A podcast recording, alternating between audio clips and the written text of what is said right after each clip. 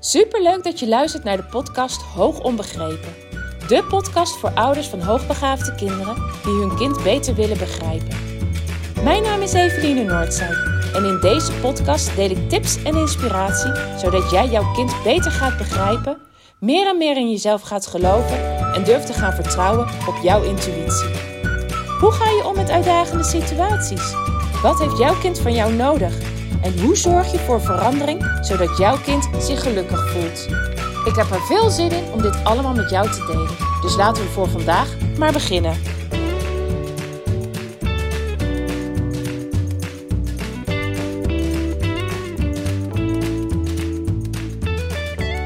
Ha, lieve luisteraars.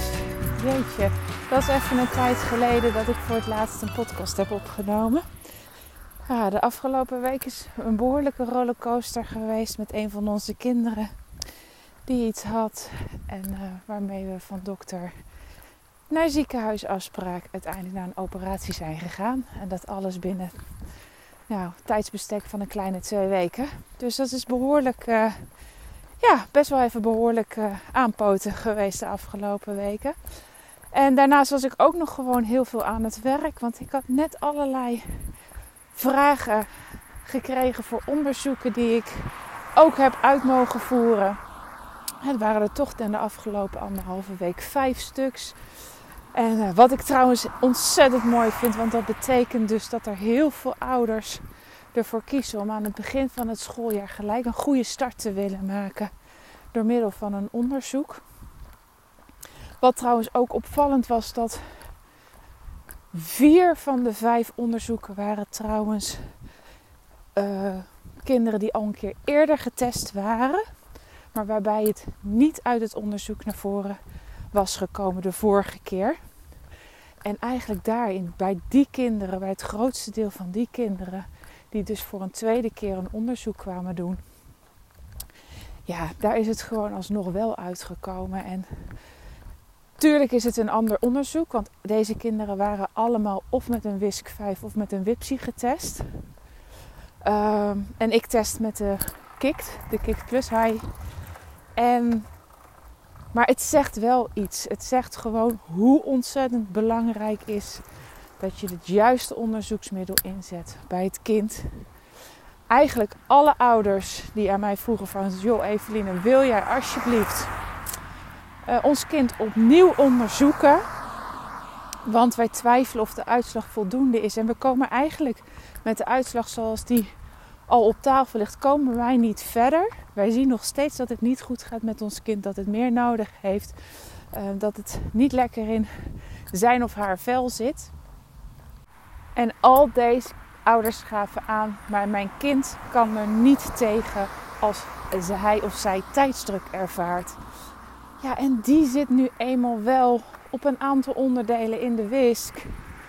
En ik vermoed ook in de Wipsy. Ja, die neem ik zelf nooit af. Heb ik ook nog nooit afgenomen. Dus weet ik niet met 100% zekerheid. Maar dat is bij de kicks helemaal niet zo. En dan zie je toch dat deze kinderen heel vaak tijd nodig hebben om tot het antwoord te komen.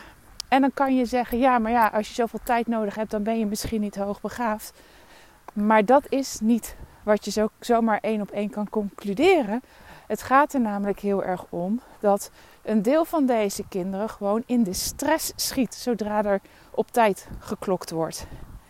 En ik herken dat heel erg bij mezelf. Vraag mij of ik binnen een minuut de som wil oplossen en ik kom er niet uit. Zeg je dat niet en je laat het me oplossen, kom ik er waarschijnlijk binnen een minuut wel uit. Of ik heb misschien net even iets, iets meer nodig. Maar het stress maakt dat je niet meer helder kan nadenken. Tijdsdruk zorgt voor stress. En stress zorgt dat je niet meer helder kan nadenken. En ik ervaar dat zelf zo, dat er dan echt een mist in mijn hoofd ontstaat. En ja, dat er gewoon echt. Nou, al mijn gedachten gaan alle kanten op en ik kom gewoon helemaal niet meer uit. En ik denk dat heel veel van deze kinderen dat ook zo voelen. En ja, dan heb je geen betrouwbare meting, want dan heb je de mist in het hoofd gemeten. En je hebt niet de kwaliteit van het kind gemeten op wat het kan met die bepaalde opdracht. Dus het is echt heel belangrijk op het moment dat je van je kind weet dat het onder tijdsdruk niet kan presteren, dat je daar ook echt rekening houdt met de keuze van je onderzoeksmiddel. Van, nou ja, niet dat jij dat als ouder kan. Hè. Je uiteindelijk is degene die de test afneemt verantwoordelijk voor de keuze van het onderzoeksmiddel. Maar geef het in ieder geval aan dat je kind daar moeite mee heeft. Echt een heel belangrijk punt. Nou, dat is even uitweiden over afgelopen week met mijn onderzoeken. Maar waar ik het eigenlijk vandaag met je over wilde hebben, is ehm, ja, iets waar ik vandaag me en de afgelopen week überhaupt veel mee bezig ben geweest, is met, uh, met trauma. En ook vandaag kwam dat weer om de hoek. Ik was dus met een van de kinderen vanmorgen in het ziekenhuis voor die operatie. En ehm, ik ervaarde toen ik meeging naar beneden, naar de operatiekamer en de verkoeverkamer ervoor, uh, bij het zetten van het infuus en het wachten daar, dat ik echt enorm veel emotie in mij had. En tuurlijk, als je kind daar ligt, is er spanning, vind je het misschien wel, zo ja, ik vond het best wel heftig. Ehm, het was toch een algehele narcose. Nou, dat gaat even niet. Uh, ja, dat is nog wel eens even iets. Het is niet even niks. Maar het was niet de spanning voor dat moment. Ehm, wat ik bij mezelf voelde was zoveel emotie dat ik dacht: oké, hier zit veel meer. Hier speelt veel meer uh, voor mezelf. En nou, ik weet precies waar dat vandaan komt. Onze oudste is geboren met een hartafwijking en met uh, ja, bijna vijf maanden um, moest zij geopereerd worden. Had zij een open hartoperatie ondergaan. En ik ben toen ook degene geweest uh, die met haar mee is gegaan naar beneden, naar de operatiekamer. En ja, dat was echt een hele spannende operatie. Ook al doen ze dat in het Erasmus uh, in Rotterdam, Sophia Kinderziekenhuis, behoorlijk vaak in het jaar. Het is niet niks als je het hart van je kind eruit gehaald wordt, aan de hart-longmachine gelegd wordt en vervolgens het hart gerepareerd moet worden. Uh, want dat was nog zo toen zij een babytje was, dat het op die manier ging. Um, en vooral het haar daar moeten achterlaten op die operatiekamer heeft mij toen echt ontzettend veel gedaan. En vandaag ervaarde ik dat dat nog ontzettend veel met mij deed. En ik dacht: oké, hier zit dus nog een stuk. Hier zit nog een stuk wat ik moet oplossen. Want blijkbaar, en dat begrijp ik ook helemaal, blijkbaar heb ik dat niet verwerkt. Ik heb daar op dat moment natuurlijk met mensen over gepraat. Maar ja, wij waren een jong gezin met onze eerste, wat al een hele, heleboel maanden een zoektocht was geweest van wat heeft ze en wat is nu de vervolgstappen. Ziekenhuis in, ziekenhuis uit, allerlei afspraken. En ja, toen zij geopereerd was, was zij ook nog gewoon een onrustige baby. Nou, later bleek dat dat waarschijnlijk kwam door koemelkallergie. Maar dat wisten we op dat moment niet. En uh, ja, voordat ik het wist, was ik zwanger van de tweede. Dus in die periode heb ik daar gewoon niet zo heel veel bij stilgestaan dat ik ook nog een stuk te verwerken had. En nu, vandaag realiseerde ik me, oké, maar hier heb ik dus echt nog werk te doen, want ik heb dit nog niet verwerkt. En ik verwacht dat ik dit prima zelf kan als ik er maar aandacht aan besteed. Um, maar ik weet ook dat bepaalde gebeurtenissen in een leven zodanig impact kan kunnen hebben. Um, ja, dat mensen er niet zelf uit kunnen komen. En dus ook, dit geldt ook voor kinderen. En de afgelopen week heb ik heel veel ja, gelezen, uh, vragen die kwamen, uh, gericht op mij of gericht in bepaalde groepen over schooltrauma's. En ja, ik denk dan altijd op een gegeven moment als je iets veel hoort en je er zelf dan ook weer even mee geconfronteerd wordt, al is het dan geen schooltrauma, maar hè, uh, het was dus voor mij blijkbaar wel zo'n heftige gebeurtenis dat het nog steeds impact op mij heeft. Dacht ik, oh ja, maar daar wil ik het ook gewoon een keer graag met je over hebben. Omdat ik denk dat heel veel kinderen, uh, veel hoogbegaafde kinderen, te maken hebben met een een bepaalde gebeurtenis die zoveel impact heeft gemaakt, laat ik het zo omschrijven. En de reden dat ik het zo omschrijf is omdat heel veel mensen bij trauma echt een mega heftig beeld voor zich zien. Hè? Zien we dan denken we vaak aan mishandeling, misbruik, een ernstig ongeluk of het overlijden van iemand. Ehm, terwijl ik denk dat bepaalde gebeurtenissen voor een kind of een volwassene ook gewoon mega impact kunnen hebben. En wat mij betreft mag je dat ook gewoon trauma noemen. Uh, waar het mij om gaat dat het dit gebeurtenissen zijn, als ik het over trauma heb, gebeurtenissen zijn die impact hebben gemaakt, maar die in, nou in dit geval dus een hoogbegaafd kind niet voldoende heeft kunnen verwerken. De verwerking is ergens gestagneerd. En op het moment dat de verwerking ergens stagneert, ehm, ja, dan blijft het bij hem of haar met alle gevolgen van dien.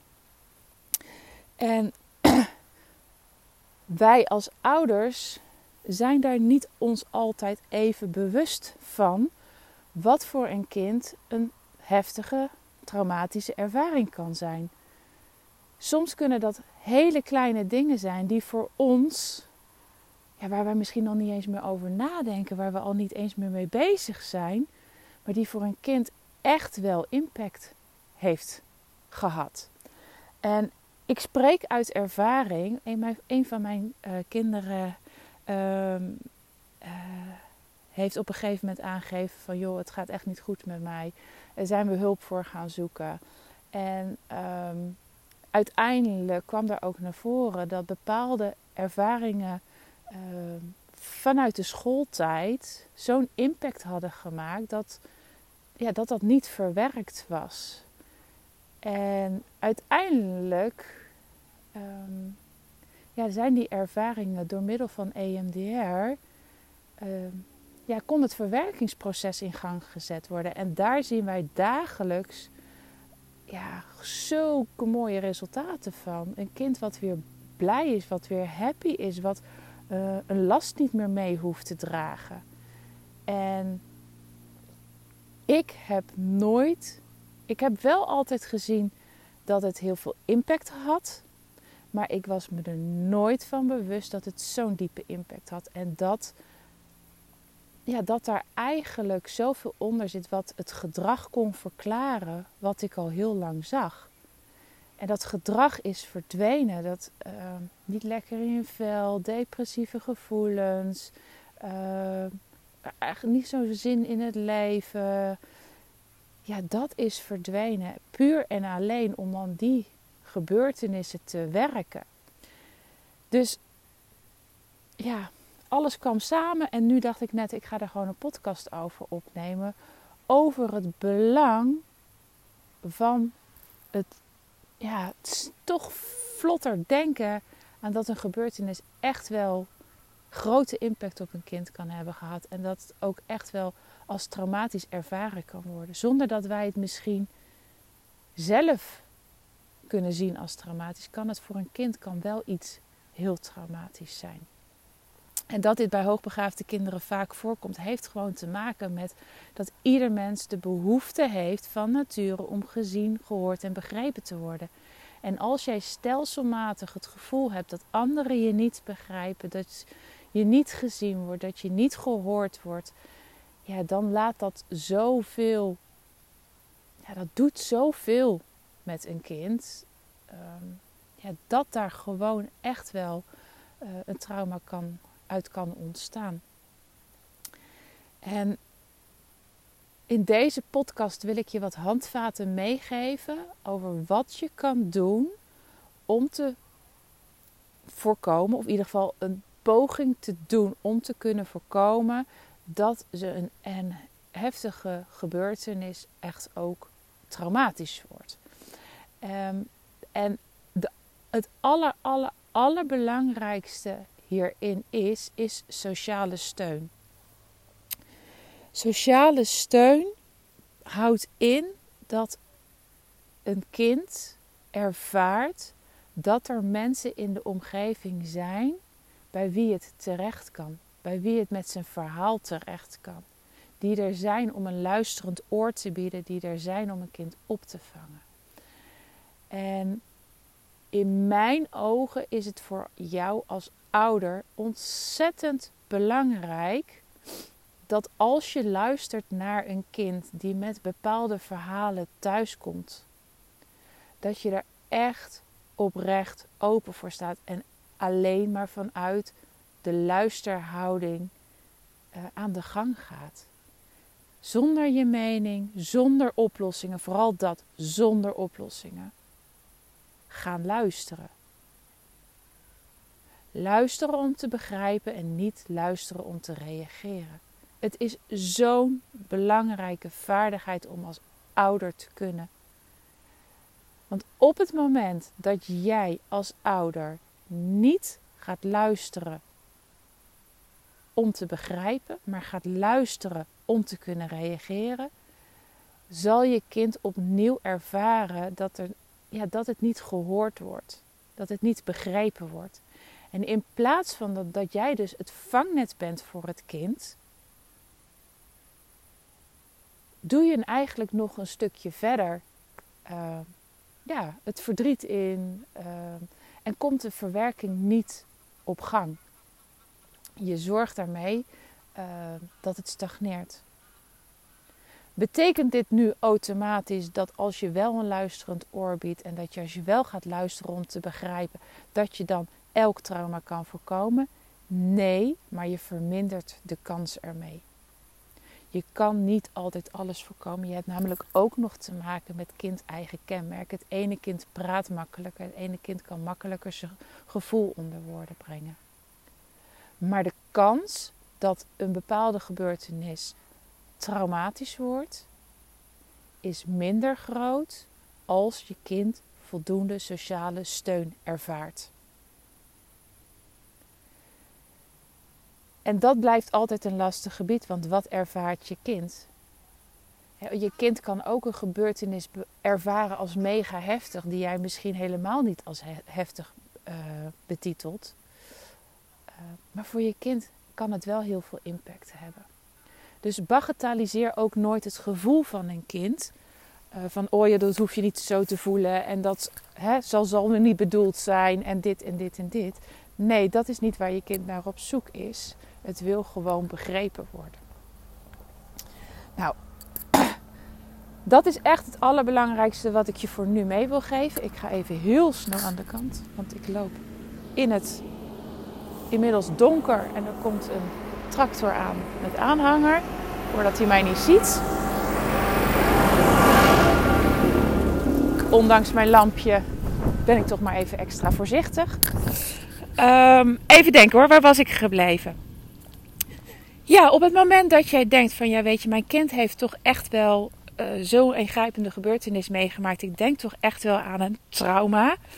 Uh, neem dat ook echt wel serieus. Nogmaals, het hoeft niet langdurig ernstig te zijn geweest om voor een trauma te kunnen spreken. In het afgelopen jaar heb ik twee keer een kindje bij mij gehad uh, voor EMDR-sessies, waarbij water een rol speelde. En als je het verhaal hoort, denk je, weet je, zo heftig was dat toch eigenlijk niet. Hoe kan daar een trauma van zijn ontstaan? Maar met EMDR zijn ze wel allebei weer watervrij en zonder angst gekomen. Dus sommige hele kleine gebeurtenissen kunnen al gewoon maken dat er een trauma is. Dus neem trauma niet te zwaar op in die zin van het is altijd iets heel groots en het moet altijd heel lang geduurd hebben. Sommige hele kleine dingen kunnen ook al ja, leiden tot een trauma.